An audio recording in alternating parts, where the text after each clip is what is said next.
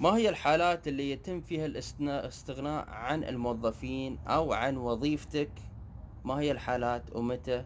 وهل لك أنت فيها دخل ولا لا؟ بنشوف إن شاء الله بعد هذا الفاصل.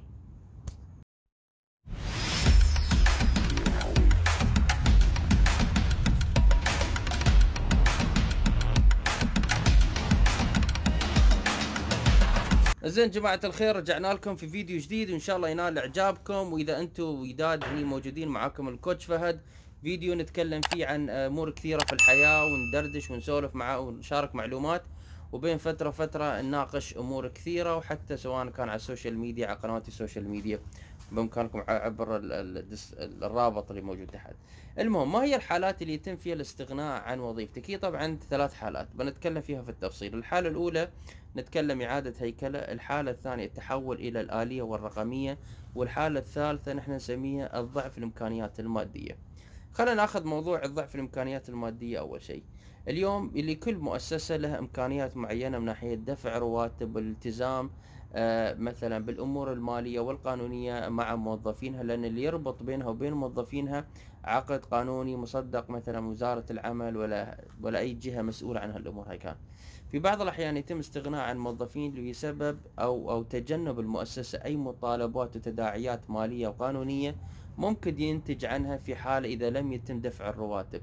فمسبقا يتم على سبيل المثال الاستغناء عن موظفين موظفين المؤسسة أو يتم في بعض الأحيان تخفيض رواتبهم أو في بعض الأحيان يتم إلغاء بعض الامتيازات كذا الأمور هاي كامل.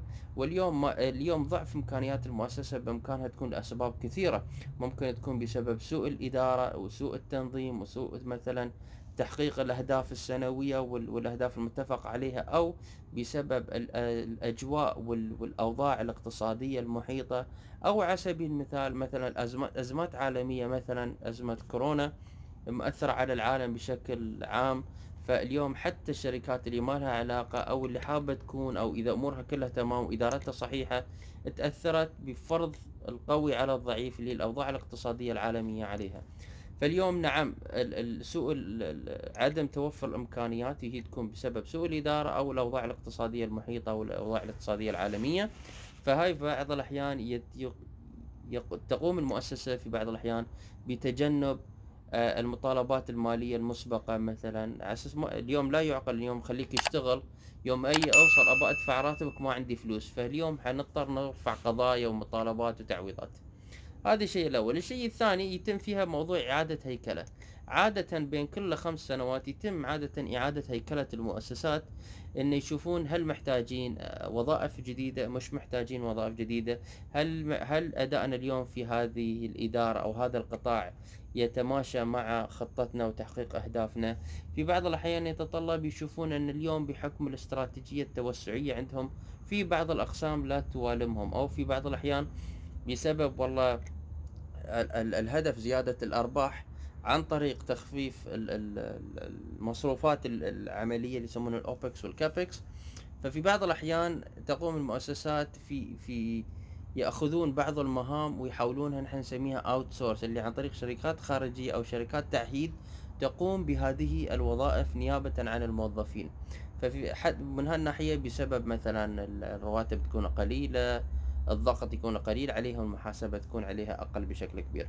فاليوم بسبب إعادة الهيكلة أي مؤسسة في وجهة نظري الشخصية تعمل إعادة هيكلة كل أقل عن خمس سنوات يوجد ضعف كبير في موضوع الإدارة عندهم هناك. فاليوم أول شيء قلنا نحن السبب الرئيسي أول شيء بسبب عدم توفر الإمكانيات المادية وذكرنا الأسباب. رقم اثنين بسبب إعادة الهيكلة المؤسسية اللي تستوي بحكم ال ال الأهداف التوسعية والرؤية التوسعية للمؤسسة. والرقم ثلاثة والشيء الأساسي المحور الثالث. والسبب الثالث نحن نتكلم فيه يسمونها الرقميات. اليوم نحن نعيش في الثورة الصناعية الرابعة. وحسب إحصائية اللي الاستبيانات قالب العالمية تقول أن 40 من 100 من وظائف العالم ستختفي خلال 10 إلى 15 سنة. وهذا بحكم الثورة الصناعية الرابعة اللي هي طبعا تشمل فيها الذكاء الاصطناعي آه، العملات الرقمية الأمن المعلوماتية التحول إلى الآلة تحول إلى أمور كثيرة. وهذا شيء طبيعي ويقدر عدد الوظائف اليوم اللي حتندثر أو اليوم اللي حتختفي أو تتأثر حدود أربعة مليون وظيفة. لكن بالمقابل سوف يتم استحداث مليون وتسعمية وظيفة ما يتناسب مع خطة المستق... خطة الوظائف المستقبلية.